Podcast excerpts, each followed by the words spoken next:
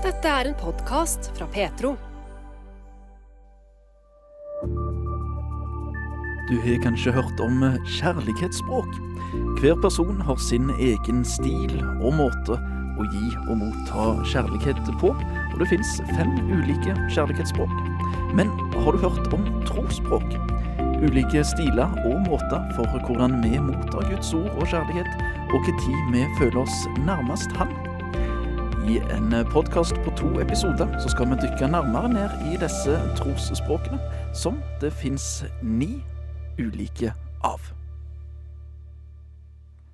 I del én av denne podkasten om de ni trosspråkene fikk vi høre om asketen, diakonen, den intellektuelle, entusiasten og det sensoriske trosspråket. Nå skal det først handle om tradisjonalisten, å elske Gud gjennom ritualet, symbolet og offer. Serien bygger på boka Sacred Pathways, skrevet av amerikaneren Gary Thomas. Og med oss har vi pastorene Knut Moholt og Odd Arild Berge fra Grimstad misjonskirke. De har begge undervist om disse trosspråkene i flere sammenhenger de siste år. Tradisjoner, arv og liturgi kan være viktig for deg med et eh, tradisjonalistisk trosspråk. Det forteller Odd Arild Berge. Hvis en tenker på um, type menigheter, da, så ser jeg for meg at uh, menigheter som er liturgiske, det er menigheter som du Om du finner flere tradisjonalister, så trives de nok bedre der, i hvert fall. Da. Med ritualer og ting som er kjent for de, og som går igjen. Og.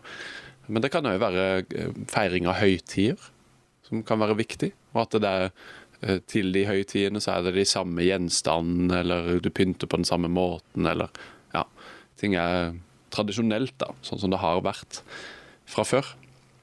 Så ja, de liker det kjente og det tradisjonelle. og De liker symbolbruk og sånn som uh, Knut nevnte tidligere her med, med lysgloben som vi har i vår kirkesal. Så er det noe som for de som er tradisjonalistiske, så er det, det er godt og håndfast og tydelig for dem.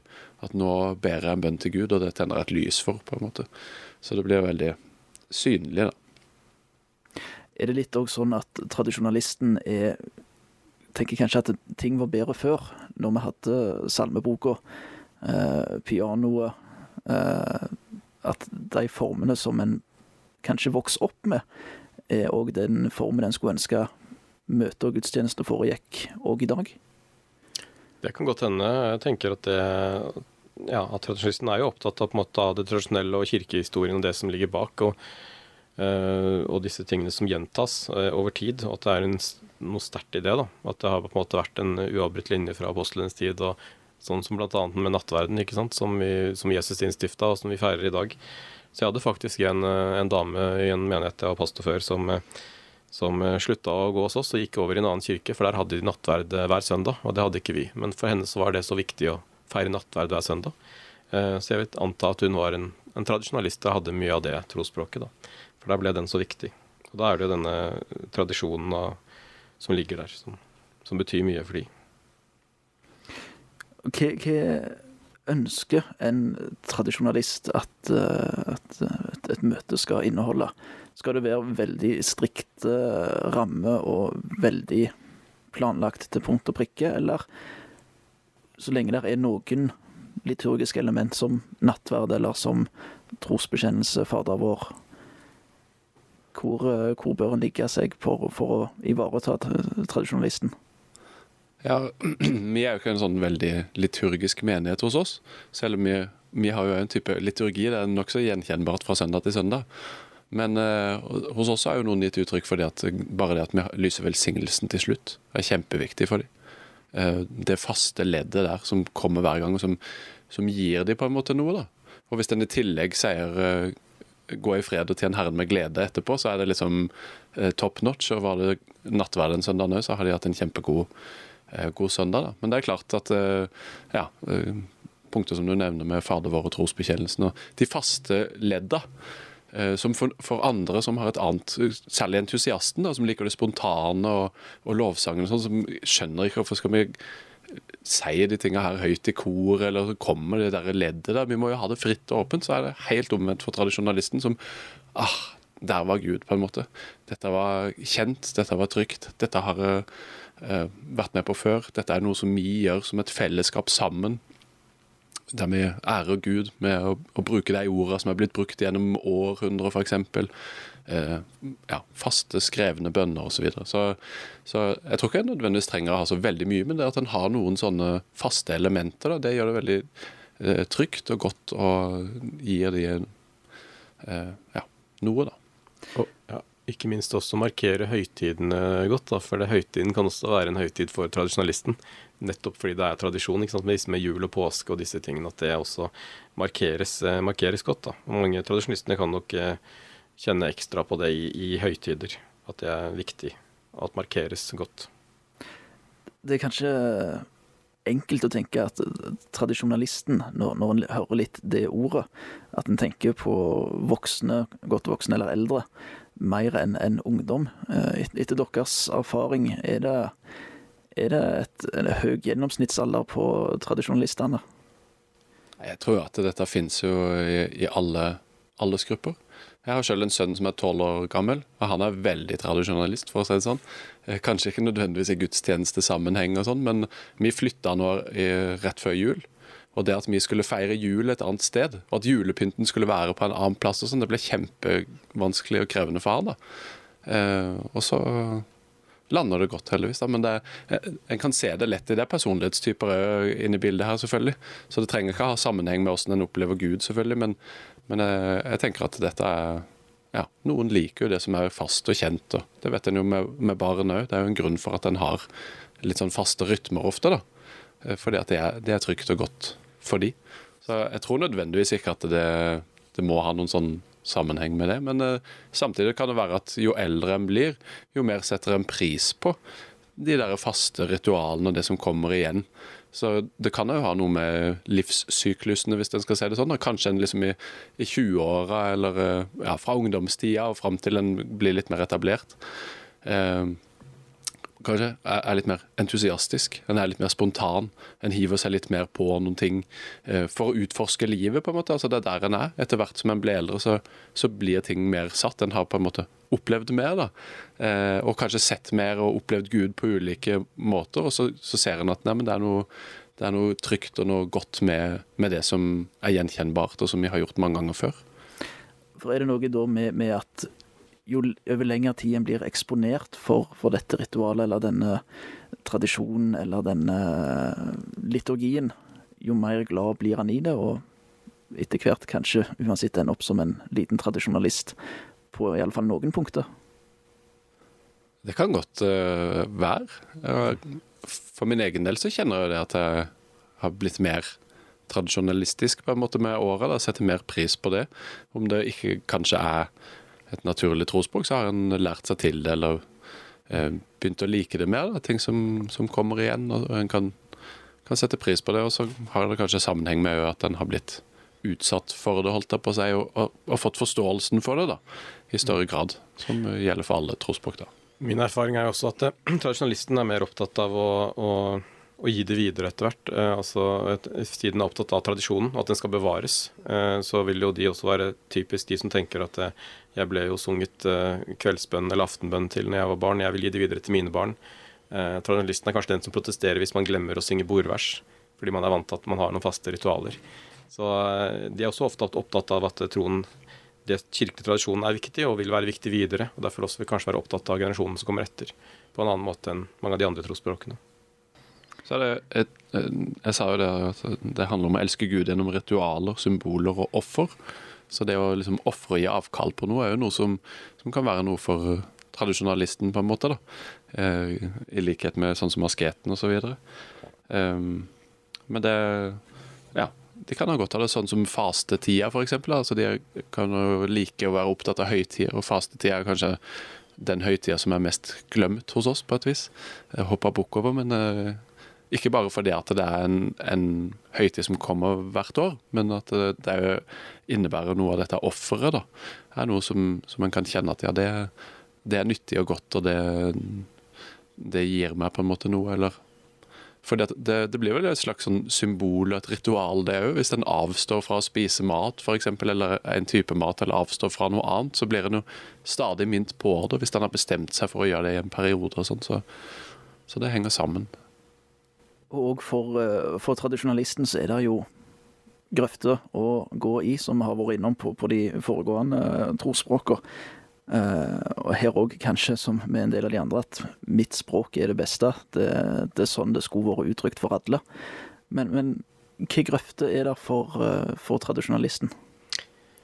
Ja, det kan jo være at når man gjør noe mange ganger òg, som da tradisjonisten er glad i å gjenta, så kan det jo hende at det til slutt blir bare en vane som man gjør eller sier, eller man sier trosbekjennelsen uten at man egentlig mener det, med hjertet. da. Uh, så den faren at det kan fort bli en, en, en, religiøs handling vi gjør, uten at de på en måte har, har hjertet med.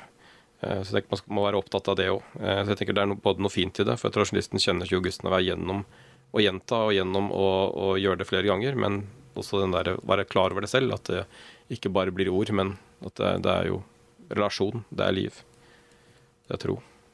Og det vil jo, for de som har et annet Eh, trospråk som er litt sånn fjernt fra tradisjonalisten og kanskje ikke forstår det helt. da.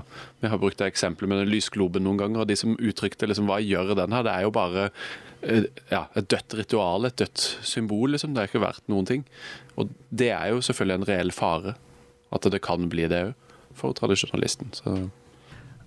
Så var du inne litt på det der, eh, Knut, med, med at det går på vane. Trosbekjennelse og, og ritual, og at en på en måte repeterer, kanskje uten å reflektere over det som en, en deltar i. På hvilken måte kan en, en, om en kjenner seg igjen som en tradisjonalist, hvordan kan en bli oppmerksom på, på den problemstillingen, og, og, kanskje ta grep for å komme ut av den vanen, for å, å heller begynne å tenke over og ta det til seg i større grad?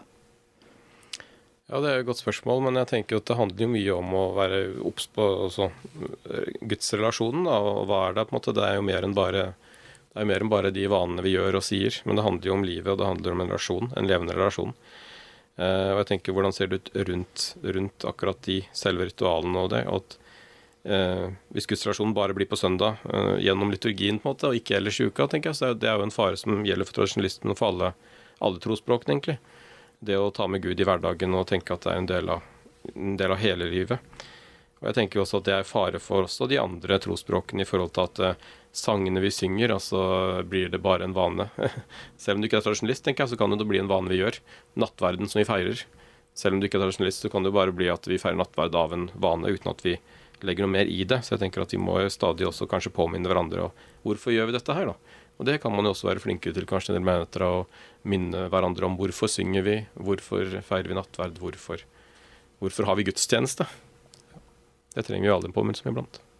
Jeg, jeg, tenkte på et eksempel. Eh, Edin Løvaas, sikkert mange som vet eh, hvem han var. Retreatbevegelsens far, han er jo kalt i Norge. og han, han var veldig opptatt av dette med vaner. Å bygge seg gode vaner, for det bærer en. Og han hadde en vane der han gikk inn, han hadde et eget bønnerom, på en måte, eller sånn, det var vel kontoret hans sitt i huset. Og Da gikk han hver dag inn, og så satte han seg på en stol der. Og så ba han, og han hadde noen ikoner som han så på, som gjorde at han ba liksom en sånn fast bønn. Og var veldig opptatt av å følge vanen, da. Eh, men så sa han det, av og til så kommer det noen sånne ekle, slimete dager, kalte han det, der en ikke orker noen ting. Og det han gjorde da, det var at han, han gikk inn i rommet, inn i kontoret, Istedenfor å sette seg på stolen og be den bønnen som han gjorde hver eneste da, som på en måte kanskje hadde vært litt sånn falskt, da. så gikk han inn i rommet, og så sa han 'Gud, i dag orker jeg ikke å be'. Og så gikk han ut igjen.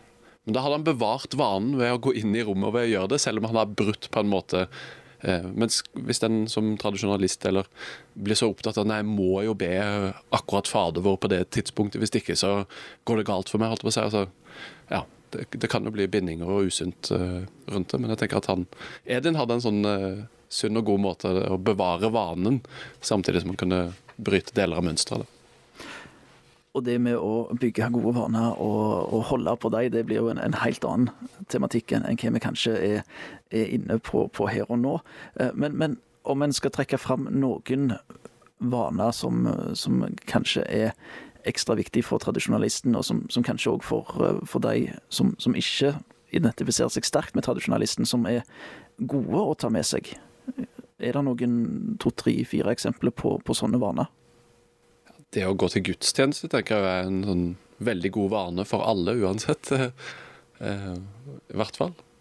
Og selvfølgelig å, ja, be og lese Bibelen og sånne uh, typiske trospraksiser, da. Uh, og så kan det se litt forskjellig ut om en gjør det til akkurat samme tidspunkt hver dag, eller uh, hvor ofte en gjør det, osv. Men det er jo noen ting som er viktig for å, holde troa vår varm. Det kan jo like gjerne være å gjøre noe godt mot noen.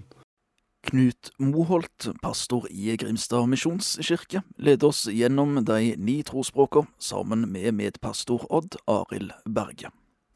Det neste trosspråket vi skal få høre mer om, det er aktivisten, som elsker Gud gjennom konfrontasjon. For aktivisten kommer kanskje trua mer til uttrykk i det offentlige rom, gjennom eksempel demonstrasjonstog. Og Knut Moholt tror en spesifikk historie i Bibelen nok tar det ekstra til den med et aktivistisk trosspråk.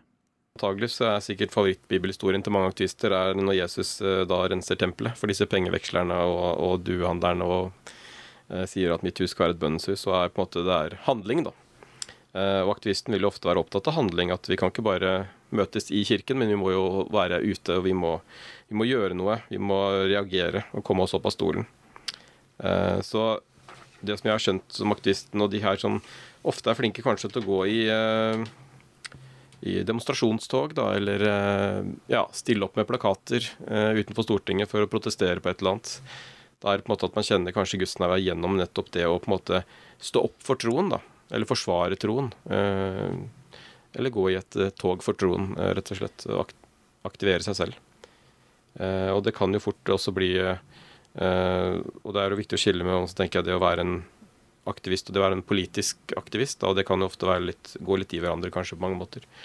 Eh, men de som mener at kanskje at nå, nå, kommer det mange nye lover og vi må protestere mot de, og vi går først i toget og protesterer, det er jo typisk kanskje aktivisten, da. Men det er det òg sånn at aktivisten gjerne er, er, den som er mest aktiv i kommentarfelt på sosiale medier, eller den som sender flest leserinnlegg til aviser. Den som tar først kontakt når det er noe som en kanskje er uenig i med, med menighet eller organisasjon. Det vil jeg jo ofte anta, ja. Se for meg at sånn er det. I hvert fall noen av de jeg kjenner som, eh, som kan kommentere eller skrive leserinnlegg og sånn, som eh, eh, Når jeg leste om dette, tenkte jeg ja, aktivist, det passer til den personen, da. Så det, det tror jeg. Og så er det jo to, to ulike former på en måte for aktivist. Og Den ene er liksom det å stå opp mot Altså En kan kjempe for miljøet. Eh, og mot menneskehandel, f.eks. Altså sosial karakter. da, Mot fattigdom. Og, eh, og ofte så tror jeg at politikere jo, har et aktivistisk trospråk, hvis de er en, en kristen sånn, men at det henger sammen med det. Så det å ta samfunnsansvar og holde fram liksom urettferdighet og stå opp for det som er sant og, og rett. da, eh, Og kjempe på den måten. Og det andre for en aktivist, det er liksom evangelisering. Eh, så det, de som står på gata, er jo å, å ha gatemøter, f.eks. Evangeliserer og er ute blant folk sånn på den måten. Det, det kan jo typisk være aktivister. Så vi, vi, må jo vi må ikke bare gå imot på en måte noe som vi tenker at ikke er etter Guds vilje, eller som, som, er negativt på en måte for samfunnet vårt eller for å hjelpe noen, men, men vi må jo løfte fram og, at mennesker skal bli frelst. da, og, og, den delen av det. Så, og jeg tenker at, at en trenger ikke nødvendigvis å være eh, både på en måte politisk eller sosialt engasjert og stå opp for den tingen, og samtidig være en type evangelist. da, Men at det er litt enten-eller. Og selvfølgelig noen vil jo kjenne på begge deler. da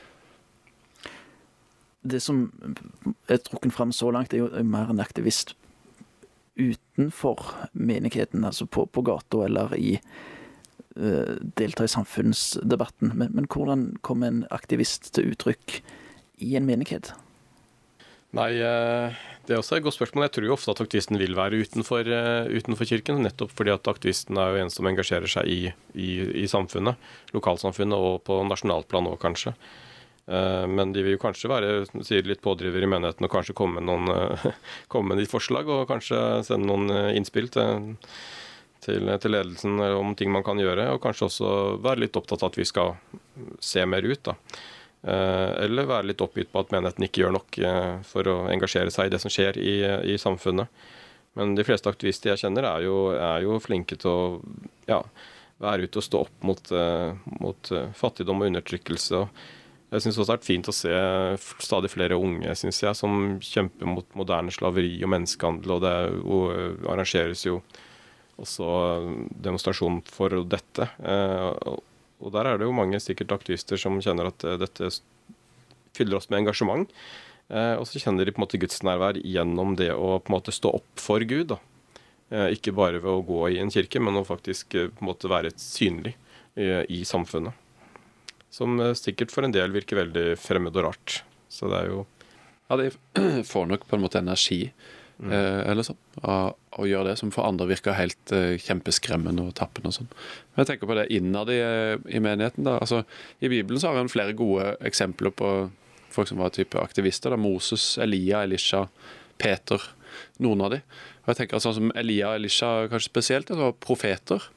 Eh, som, og det kan en jo ha i menigheten. altså Den oppgaven med å, å, løfte fram og minne på hva som er viktig, på en måte, og hva som er tjener til Guds sak. Og, um, og på den måten òg innad i menigheten liksom uh, oppildne andre til uh, dette er viktig at vi uh, Eh, ber om eller eh, kjemper for, eller hva det skulle være. Eh, og det er, tenker jeg er veldig viktig i en menighet, å ha noen som, som kan holde den litt i ørene òg. Typisk i, i, vår tid da, så er det noe med en debatt rundt Bibelen og Guds ord, hvilken autoritet den har. og jeg tenker at en aktivist type vil si at nå må vi sørge for at vi holder Guds ord høyt. Det er det som står der som er på en måte det viktigste. Vi må ikke la oss drive med av kulturen rundt oss. Eller, og ja, Det vil jo være superviktig i en menighet å ha noen som, som uh, sørger for det. Klassiske eh, tema eller uh, hjertesaker for en aktivist. Vi har jo nevnt både, både gateevangelisering, som kanskje er ett av de. litt dette her med å, å kommentere og, og være aktiv på sosiale medier og, og med leseranlegg. Men er det noen andre tema eller, eller uh, spørsmål som en aktivist Som en kanskje kjenner igjen som, som en aktivist? Uh, Israelskonflikten, abortspørsmålet, uh, likekjønn ekteskap. Er det dette typiske saker som en, en, aktivist er ekstra engasjert av eller i? Absolutt. Det vil jeg tørre å påstå. Mm. Og Det er jo nettopp fordi at det er litt sånn konfliktfylte saker der en kan eh, fort havne på hver sin side på en måte i en diskusjon. da. Eh, så ja. Og, og som er store og viktige saker, holdt jeg på si. Og særlig for noen som, som, dette blir kjempeviktig å kjempe for. Og, og det kan jo være en sak som eh, La oss si abortspørsmålet, da. Som oppleves litt sånn glemt kanskje i, i samfunnet for en del. Og så at dette er jo kjempeviktig, vi må løfte det opp, liksom. Eh, og, og, ta den kampen eh, sånn, da. Samme med miljøspørsmålet, som jeg kjenner flere aktivister som jobber hardt for. Og dette med å forvalte skaperverket og, og sette det også i kontekst i forhold til Bibelen og Guds ord. Eh, det er jo et veldig relevant tema i dagens samfunn. Så flere kristne også som, som løfter det høyt. Og for aktivisten så er det jo òg grøfter. Eh, noen av de kan en kanskje tenke seg litt fram til sjøl som potensielle grøfter. At en, en, kanskje blir for hard i sin retorikk eller for bastant. Men, men hva, hva grøfter er det å trekke fram som, som en aktivist fort kan, eh, kan, ende opp i? Ja, det er jo Ja, som, som, i likhet med veldig mange andre, men det å bli dømmende og hovmodig overfor andre. og, eh, og ja, at en uh, må jo være opptatt av de tingene som vi er opptatt av og står på på samme måten som vi gjør. Jeg vil tippe at en del aktivister som har levd en stund, kanskje ser tilbake i tid og så tenker hva var det vi holdt på med eh, for 20 år siden, holdt jeg på å si. Eh, hvilke metoder som ble brukt, f.eks., eller som en kanskje eh, tenker at oi, det var, det var ikke lurt eller heldig, eller sånne ting. Så en kan jo gå litt sånn uviselig fram. Og så kan en bli for ambisiøs, kanskje. Man eh, kan òg bli egoistisk. Eh, og ja, fokus på seg sjøl. Og en kan nok òg ha sett at en del har, eh, har falt i, i seksuell synd og maktmisbruk. At en får en posisjon og, og ja, kan ha en slags hang til å, til å trykke ned andre eller ja, se ned på. Um, og så er det da fokus på aktivitet og statistikk og eh, ja, dette med Hvis den, hvis den er den eh, si, sosiale, politiske engasjerte, som kjemper for miljøet eller sånne ting, så, så kan en jo glemme på en måte Gud oppi alt. At det blir bare sosial reform. Og så, og så dreier det seg ikke lenger om å, å ære Gud eller å, å ja, tilbe Han eller å kjempe hans sak, da.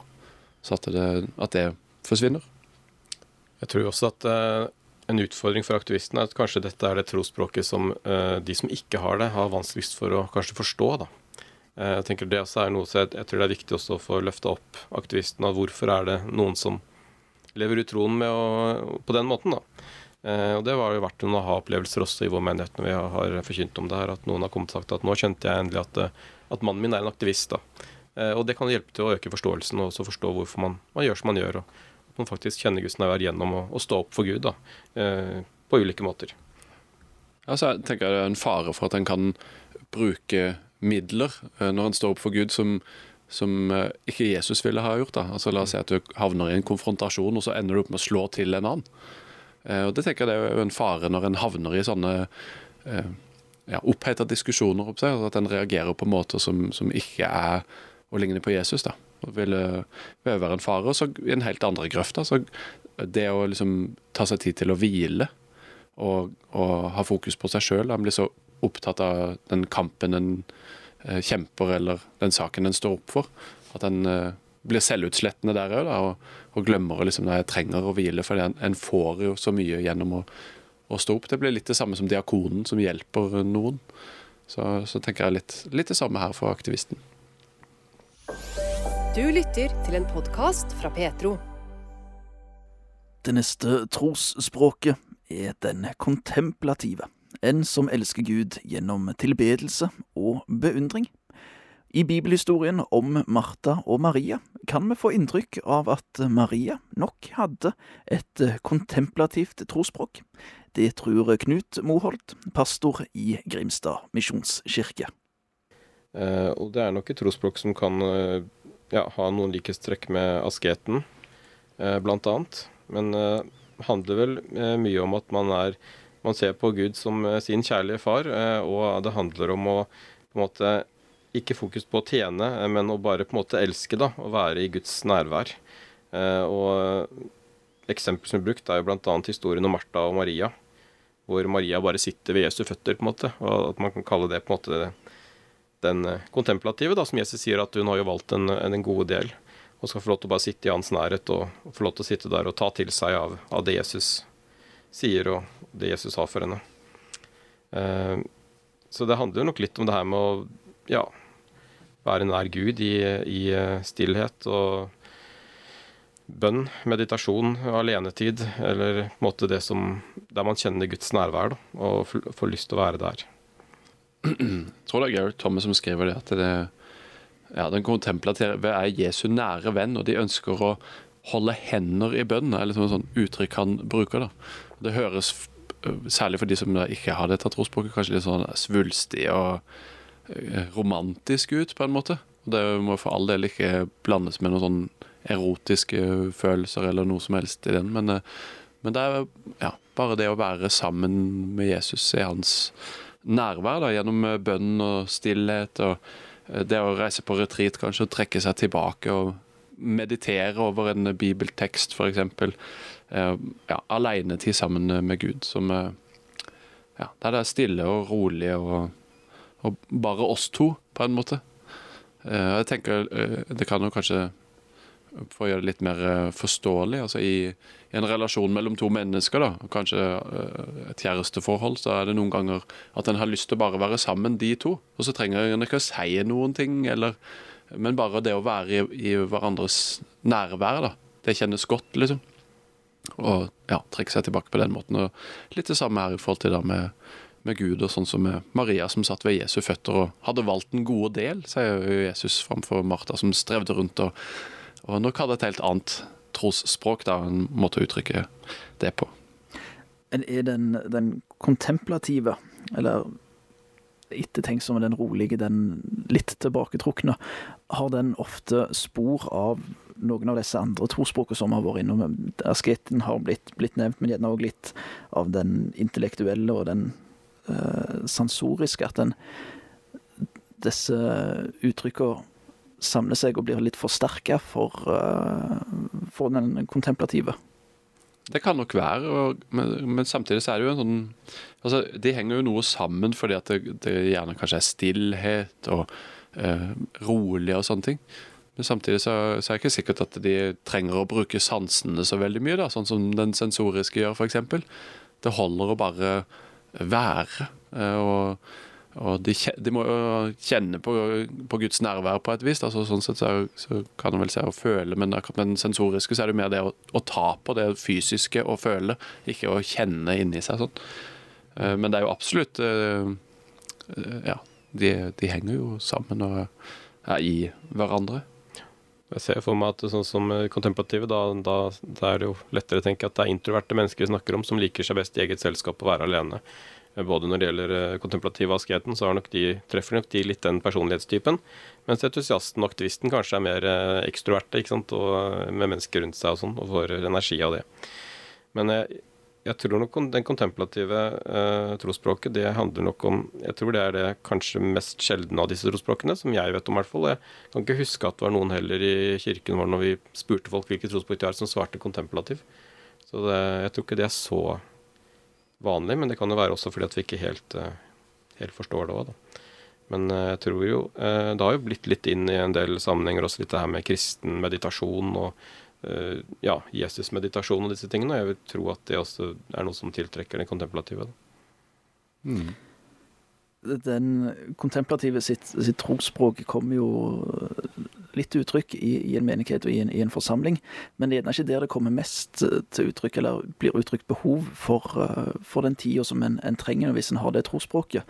Det kommer kanskje mer i en parrelasjon eller i et ekteskap.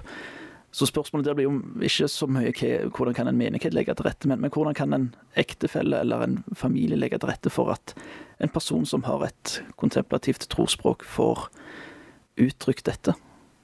Nei, Det handler jo ikke sant, om stillhet og alenetid, og sånn, så det er jo å gi rom på en måte for eh, Ok, nå trenger vedkommende å trekke seg litt tilbake for seg sjøl. Om det er ti minutter bare, eller eh, Og kanskje det kan være fornuftig å innrede et, et, sted i huset, eller ute for den saks skyld, da, som et fast sted som her trekker jeg meg tilbake eh, for å være sammen med Gud, liksom. Som kan lettere gjøre at en, en får den plassen og den tida som, som en trenger da, til å til å være sammen, og at han kanskje trenger mer tid enn det andre ville gjøre på å være sammen og bare være aleine og, og, ja, i det hele tatt. Og så tror jeg kanskje at sånn som i en, en gudstjenestesetting, da, hvis en legger inn bare et sted med litt stillhet, om det er ti sekunder, så vil de kunne kjenne at, at det gjør godt, da. Um, så ja, jeg tror at det er mulig for den eh, kontemplative så er det jo òg noen grøfter. Kanskje en kan bli for uh, tilbaketrukken, for uh, inneslutta. Hva grøfter er der for, for den kontemplative? Nei, det kan jo fort være kanskje at man blir litt for innadvendt, også i seg selv. at man kan komme litt i avstand fra, fra andre mennesker, eller, eller, at man også kanskje blir så opptatt av gudsrelasjonen at man på en måte glemmer det rundt, da, eller kanskje ikke får så mye handling. At ikke det blir så, på en måte noe man lever ut, men det blir på en måte noe man trekker seg inn i. Eh, som jeg tenker kan være en, en ulempe. Absolutt. og I forhold til det som jeg har vært inne på et par ganger, med det, det doble kjærlighetsbudet, så er jo dette liksom absolutt det å elske Gud. da. Mm. Så en fare kan være at en ikke elsker sin neste, og ja, trekker seg inn i seg sjøl og, og ikke ser mennesker og situasjoner rundt seg der en kan bety en forskjell, osv. Jeg likte forresten en ting veldig godt som, eh, som Gary Thomas brukte som eksempel. da. For de, de, aller fleste er sånn stillhet og meditasjon og bønn og, og, sånne ting. Men så hadde han et eksempel på at de kan like å gi eh, gaver til noen, og gjerne eh, hemmelige gaver. Uh, han hadde eksempel på noen som hadde gjort det, i hvert fall. Da. Så det kan glede andre mennesker uten at de vet hvem som, som eh, har gjort det. Det kan være å skrive en hyggelig lapp til en kollega, eller et brev, eller ja, en gave til noen. da. Og det tenker jeg det er veldig fint i forhold til akkurat det med å, å ha fokus på andre enn en seg sjøl og gudsrelasjonen sånn. Det sa Odd Arild Berge, pastor i Grimstad misjonskirke, som sammen med medpastor Knut Moholt leder oss gjennom de ni trosspråkene. Og det neste trosspråket vi skal høre mer om, det er naturalisten. Niende og siste trosspråk. For naturalisten så er det å elske Gud i og gjennom naturen og det skapte som er viktig. Og Knut Moholt tror det er mange i Norge som vil kjenne seg igjen i dette trosspråket. Jeg tror det er mange i Norge som vil kjenne seg igjen i det å kjenne Guds nærhet i, i naturen og i, i, flotte omgivelser. Og det må jo selvfølgelig ikke forveksles med naturisten, som elsker å også være i skapverket uten klær, da. Men det kan nok hende at noen naturalister også er naturister. Men eh, det er ikke noe sammenheng der, da. Men eh, naturalisten vil jo elske å gå turer og oppleve gjerne Gud gjennom sterke naturopplevelser, eh, gjennom skapverket, og bare se Guds gjerning i i detaljene og i, i, i skapverket. Så eh, det er nok en del som sikkert har tenkt at uh, når de sitter på gudstjeneste, at nå skulle det heller vært en tur i skogen. Og det kan nok være typiske naturalister da, som uh, kjenner en dragning mot det. Absolutt. Jeg husker godt ei i menigheten som vi, vi hadde fram flere forskjellige, da, som fortalte litt om sitt uh, trosspråk. Blant annet ei som da naturalistisk trosspråk. Og, og hun sa det, det beste hun visste, det var å se liksom ei, ei osp nå kommer det et vinddrag, og så øh, bladene som øh, blafrer og sånn. Og Da var det som hun sa, det er akkurat som Gud bare gir meg en sånn hilsen eh, når hun ser og opplever det. Eh, og ja, Så det, det er helt riktig. En, hva gjør jeg her inne på denne gudstjenesten? Jeg vil jo heller være ute eh, og treffe Gud der. Og sjøl så kjenner jeg meg veldig igjen i en del av det med naturalisten. Bortsett fra det at jeg ikke har behov for å være på gudstjenesten, men ofte det å sitte aleine ved sjøen spesielt. Uh, Syns jeg er helt fantastisk fint. Og mer og mer jo eldre en blir, da, så setter en pris på naturen. Og det er ikke sikkert at det handler om naturalistisk trosspråk, det kan jo bare være om at en, en blir eldre og setter pris på andre ting. Likhet med andre, andre trosspråk osv. Og selvfølgelig så tror jeg også det er lettere å se Gud i naturen når man også har fokus på ikke på skjermen og på andre ting som man har hjemme. Så det er jo det å komme seg ut og, og, løfte blikket litt, som jeg tror er sunt for oss alle, uansett om man er naturalist eller ikke. Men spesielt naturalisten vil nok hjelpe mennesker å se, se Gud klarere da, eh, i det skapte, og, gir en trosstyrke bare ved det å se på skapverket, på en måte. Det handler vel litt om å la Salme 23, og la man få lov til å ligge i grønne enger og kjenne at Gud er, er nær, da. Ikke bare ligge på sofaen. For naturalisten. Eh, vi var jo inne på det når vi var innom aktivisten her for, for uh, en liten stund siden. Dette med miljøvern og, og ta vare på naturen er en, en typisk sak for, for, en aktivist. Men hvordan spiller dette inn for naturalisten, som er, er opptatt av å, å, finne Gud i naturen? Ja, Det kan nok absolutt være at det blir en viktig sak. Vi må ta vare på alt det flotte som Gud har skapt, og som, som ja, jeg kjenner Guds nærvær i, da, men uh, samtidig så tror jeg nok at det handler ofte mer om ens egen eh, erfaring med, med å møte Gud. Uh, om det er på et høyt fjell, eller om det er ute på sjøen, eller om det er på en skitur, eller hva det skulle være. da. Um, at her kjenner jeg Guds nærvær. Så mer enn å, å skulle bevare skaperverket, så er det at det det taler til meg på et vis. da, Jeg, ser Gud i de tinga. Men selvfølgelig så, så, kan det jo skape et engasjement for at dette må vi stå opp for og, og kjempe for, osv. Så, videre. så Så ja. Det kan jo absolutt henge sammen. Men som sagt så, så snakker vi jo flere av de her trosspråkene samtidig. Eh, og har en da både naturalist og aktivist som nokså naturlig, så, så blir det jo i hvert fall ikke utenkelig og unormalt å kjempe for miljøet, da. Du, Knut, nevnte på det som et eksempel at det kanskje en sitter i, under gudstjenesten og tenker at nå skulle jeg heller vært ute i skogen og gått en tur, framfor å, å sitte her på denne kanskje litt harde stolen og, og følge med på, på, det som skjer på, på talerstolen eller på scenen foran meg. Hvordan kan en, en menighet ta godt vare på en som, som får mye ut av å, å være i naturen? Er det å ta naturen inn og, og dekorere møtesalen med, med tre og planter, eller er det kanskje å ta noen gudstjenester utendørs av og til? Ja, jeg vil jo tenke at naturalisten sikkert er en forkjemper for eh, friluftsgudstjenester, da. Eh, og gjerne vil at man skal ta menigheten ut iblant. Eh, og man kan jo også legge til rette ved at man tar kirkekaffen ut, eller at man tar en tur, gåtur sammen etter gudstjenesten. Som man kan legge til rette for. Vi har gjort det noen ganger, og jeg tipper at det også er fint for, for naturalisten. Men jeg tenker det viktigste er jo på en måte å bli klar over også at man har hvilket trosspråk man har, og om man kanskje har dette trosspråket. For jeg tenker at noe av utfordringen med dette og de andre trosspråkene er at man kanskje er naturalist, men ikke er helt klar over det selv. Eh, og ikke klarer å, å, reflektere nok over at det er faktisk ute i naturen at eh, troen min vokser. Da. Eh, sånn at eh, hvis man plutselig kjenner at eh, troen min har blitt svak i det siste, eh, og tenker at løsningen er å gå på gudstjeneste, og så er man kanskje naturalist, så er det kanskje i en travel hverdag vært lenge siden man har fått tatt seg en tur i skogen. Eh, så trenger man jo bare å oppdage at ja, men jeg er naturalist, jeg må sette av tid til å, til å gå en tur i skogen. Eh, ikke nødvendigvis i gudstjenestetiden, men kanskje utenom, da. Og få det i tillegg. For jeg tror det, det, er, det er jo det som er noe av viktigheten her med å snakke om trosspråket nå, er jo bevisstgjøre. Hva er mitt trosspråk, og hvordan kan jeg få påfyll i troen i hverdagen? Og er du naturalist, så er det jo det å da faktisk sette av tid til, til turer i skog og mark, da.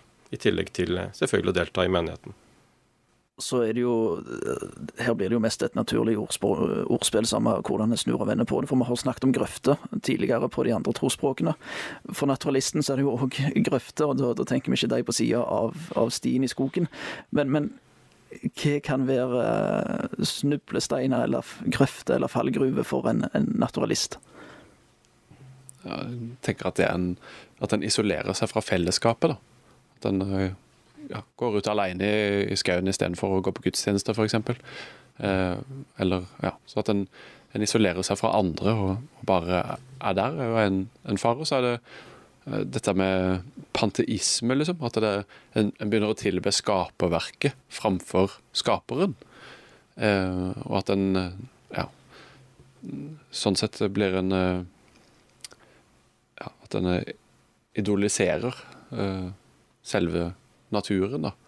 Hva det skulle være. Så det kan jo være en fare.